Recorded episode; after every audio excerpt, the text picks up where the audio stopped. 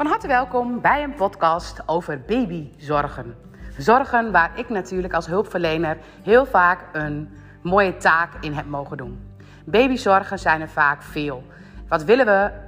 Nou, misschien wel duizend procent goed zijn voor een baby. Waardoor we eigenlijk daardoor al makkelijker zorgen maken in plaats van werkelijk voor een kindje zorgen. Nou, zelf heb ik afgelopen, nou, twee weken geleden inmiddels, heb ik weer een situatie mogen aankijken ten aanzien van mijn zoon, waar ik mij over situaties zorgen aan het maken was. En ik ook ervaarde dat het moment dat ik namelijk mij ga zorgen ga maken om iemand, dan kan ik moeilijker zorgen. Want als ik mij zorgen maak om jou, dan ga ik door die energie die ik daarin steek, eigenlijk denken: dit moet voorbij. Ik heb een angst. Ik heb een angst dat er iets gebeurt wat ik niet zou willen. En omdat ik met die ogen van angst kijk, sta ik zelf in de overlevingsstrategie. Ben ik zelf geneigd om te gaan vechten, vluchten of verstarren. En daarmee is de andere persoon echt niet beter af. Daardoor is juist die andere persoon een soort van slachtoffer en wil ik die persoon gaan redden. En als moeder, als je in die stand staat, is het super essentieel om over te stappen naar de stand van zorgen voor in plaats van zorgen maken over. Nou, die situatie waar ik naar keek, dat was een situatie die ging over de geboorte van mijn zoon. Bij de geboorte van mijn zoon liet ik ook een geboorte, ja, maakte ik ook een geboorte van een kindsdeel in mij. Altijd als je zwanger bent, altijd als je gaat bevallen, dan beval jij of ben je zwanger van ook een kindsdeel in jou. Het kindsdeel in mij, mijn zoon Jort, is het kindsdeel wat nou, misschien wel gewoon het gouden ei van mij is. Als ik naar Jort kijk en als ik naar de dingen kijk die hij doet, dan laat hij mij altijd precies spot on zien dat wat ik zou mogen doen om meer in mijn goud te gaan staan. En oh, wat ben ik bij de bevalling van hem mijn goud verloren. Want het voelde zelfs bij de reis die ik maakte om dat een soort van te her, herzien. Het voelde zelfs alsof ik steeds het kwijtraakte. Dan had ik hem weer en dan was ik helemaal blij dat ik hem weer had. En hopflop was ik hem weer kwijt. Een gevoel wat ik herken van dromen die ik heb. Maar een gevoel wat ik herken in uh, mijn werk. Een gevoel wat ik heel erg herken bij Jort. Dan denk ik, oh gelukkig, ik heb hem weer. En vervolgens was ik hem weer kwijt. En oh, wat ben ik vaak, toen ik hem naar de opvang bracht, ben ik bang geweest dat ik hem kwijt zou raken. Heel bijzonder omdat ik helemaal hem niet kwijt zou raken. Omdat ik me daar totaal veilig voelde. Maar toch wist ik, ik zou hem steeds kwijt kunnen raken. Oftewel, Jort liet aan mij iets zien over een deel wat in mij leeft en wat ik steeds kwijtraak. En het is voor Jort dus echt een taak om dat steeds te moeten belichamen. Want hij moet mij iets laten zien, onbewust, want dit gebeurt compleet onbewust. En ik ben daar steeds mee aan het stoeien. Steeds kan ik het niet vastgrijpen. En Jort loopt dus steeds vaker tegen bepaalde situaties aan. Ik hoop tot twee weken geleden. En ik merk een ongelooflijk verschil. Alleen al dat ik nu me niet zo zorgen maak. Dat ik het los kan laten. En dat ik voor hem kan zorgen. Nou, als je dus gaat bevallen. Of als je zwanger bent van een kindje. Dan ben je altijd ook zwanger van een kindsdeel. En als je kunt zien hoe jij zwanger bent van zo'n kindsdeel en hoe jij uiteindelijk bevalt van zo'n kindsdeel, dan vertelt dat ook heel veel over de manier waarop jij dat kindsdeel in jou hebt en in hoeverre jij goed zorgt voor dat kindsdeel in jou. En dat waar je later dan tegenaan loopt, de thema's die ik steeds bij Jort zie, en het gaat echt over heel veel thema's. Hij is gepest, Um, er is jaloezie, jaloers gedrag, want Jot is in bepaalde dingen kan hij ongelooflijk snel iets oppakken. Daar werd hij in geplaagd. Um, hij verstopt zich in zijn lijf. Hij is heel vaak benauwd. Dus er zijn echt wel thema's in zijn leven. En die thema's gaan allemaal over het kindsdeeltje in mij.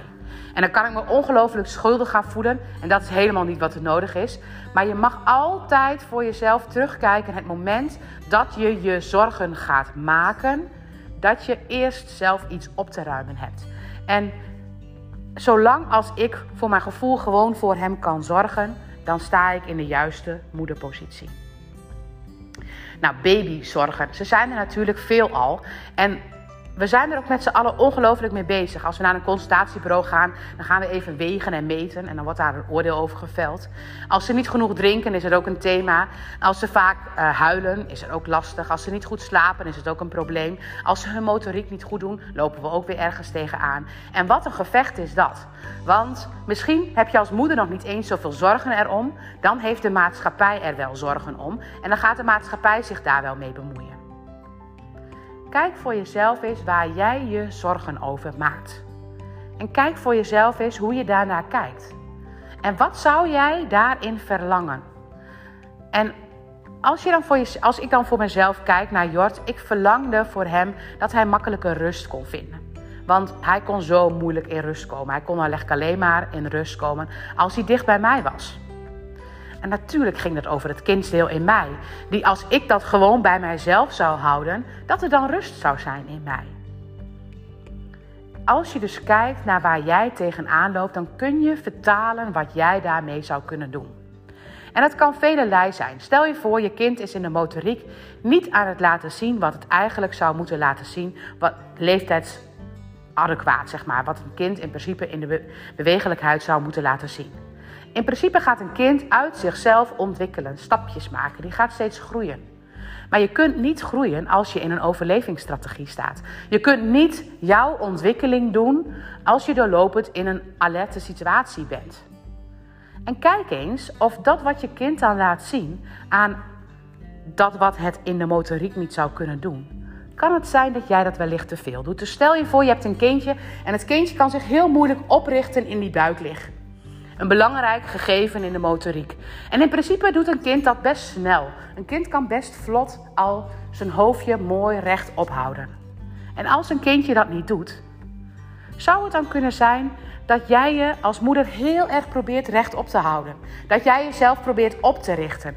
En dat jij je wat meer zou mogen laten zien als een klein walrusje die gewoon blijft liggen en die zichzelf niet gaat oprichten. Dat jij veel te veel in die oprichting gaat en dat er ook een deel in jou is die wel eens alles los zou willen laten, volledig in de overgave zou willen gaan. Want dat is wat een kind dan spiegelt. En als je kijkt naar bijvoorbeeld een kind die in de motoriek de buiklicht niet wil, goed wil gaan doen en ook dus het hoofdje niet op wil richten, wat zou lastig kunnen zijn daarin? Want stel je voor, ik ga in die buiklicht liggen en ik zou mezelf oprichten. Wat zou dan het lastige kunnen zijn?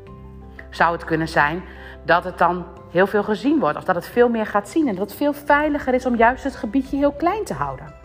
Dus eigenlijk mag je steeds kijken naar wat is er aan de hand en wat laat dit kindje zien. Spiegelend, maar ook in de motoriek. Dus altijd maak ik daar een dubbele lading van. Kijkend, wat kunnen we daar veranderen?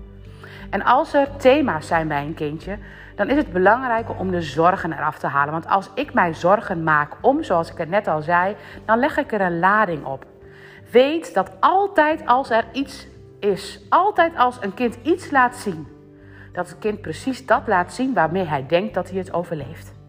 Dus dat het altijd ergens een oplossing voor is. Maar soms is de oplossing die het kind maakt voor jouw gevoel weer een nieuw probleem, een nieuw conflict. Dus als je gaat zien wat het kind aan het doen is, dan kom je in de basis van een thema terecht. En dan kun je hetgeen waar jij je zorgen over maakt, oplossen. En dan kan een kind weer ontspannen gaan bewegen. Nou, als je kijkt naar babyzorgen, dan zijn er natuurlijk vele, vele babyzorgen. Zijn er ook babyzorgen die gaan over voeding. Over de manier waarop een kindje wel of geen voeding tot zich neemt. En voeding, dat staat in de breedste zin als je het gaat spiegelen ook voor in hoeverre neem jij voeding tot je.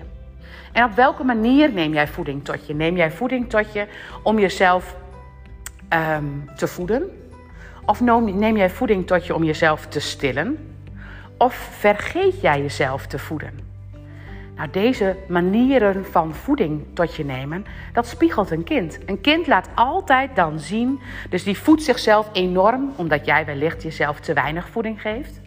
Of die voedt zichzelf heel erg om te stillen, om een bepaald gevoel te stillen, wat jij ook zo heel graag zou willen, dat je eindelijk jezelf eens een verstilling zou kunnen geven, een, zo, een ontspanning, een overgave. En al die kleine mini spiegeltjes die soms heel groot kunnen uitpakken. Dat zijn spiegeltjes die jou in jouw goud helpen. Die jou precies daar brengen waar jij naartoe zou mogen, want je kind laat je het exact zien. En op het moment dat jij voor dat deel in jezelf gaat zorgen, dan spiegelt een kind dat ook. En dan ga je zien dat jij je minder zorgen gaat maken om je kind en dat je op die manier voor jouw kind zorgt. En die thema's, als ik ze dan in de praktijk zou hebben, op dit moment behandel ik geen kinderen meer in de praktijk, met name om deze reden omdat ik heel graag deze diepgang in de behandeling wil brengen. Want dan voel ik dat ik echt in de kern aan het behandelen ben. Want wat ik heel vaak kreeg, waren kinderen met een probleem. Kijk eens, dit is het probleem. Los dit maar even op.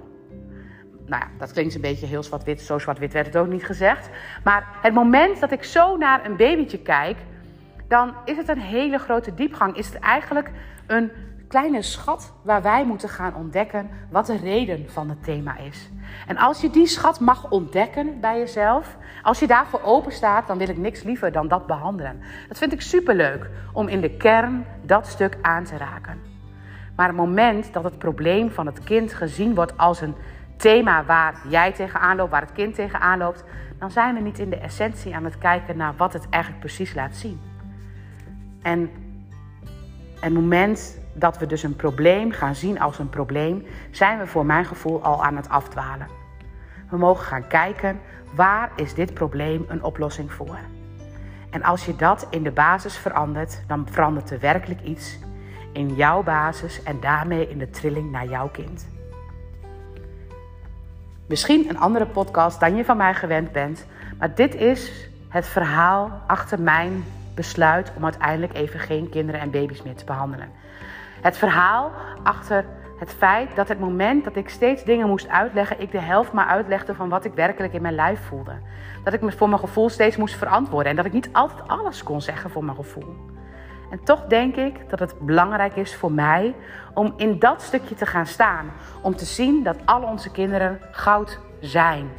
En dat we eigenlijk alleen maar hoeven te zien waar ze iets bedekken wat ik bij mijzelf zou mogen ontdekken. Dankjewel voor het luisteren.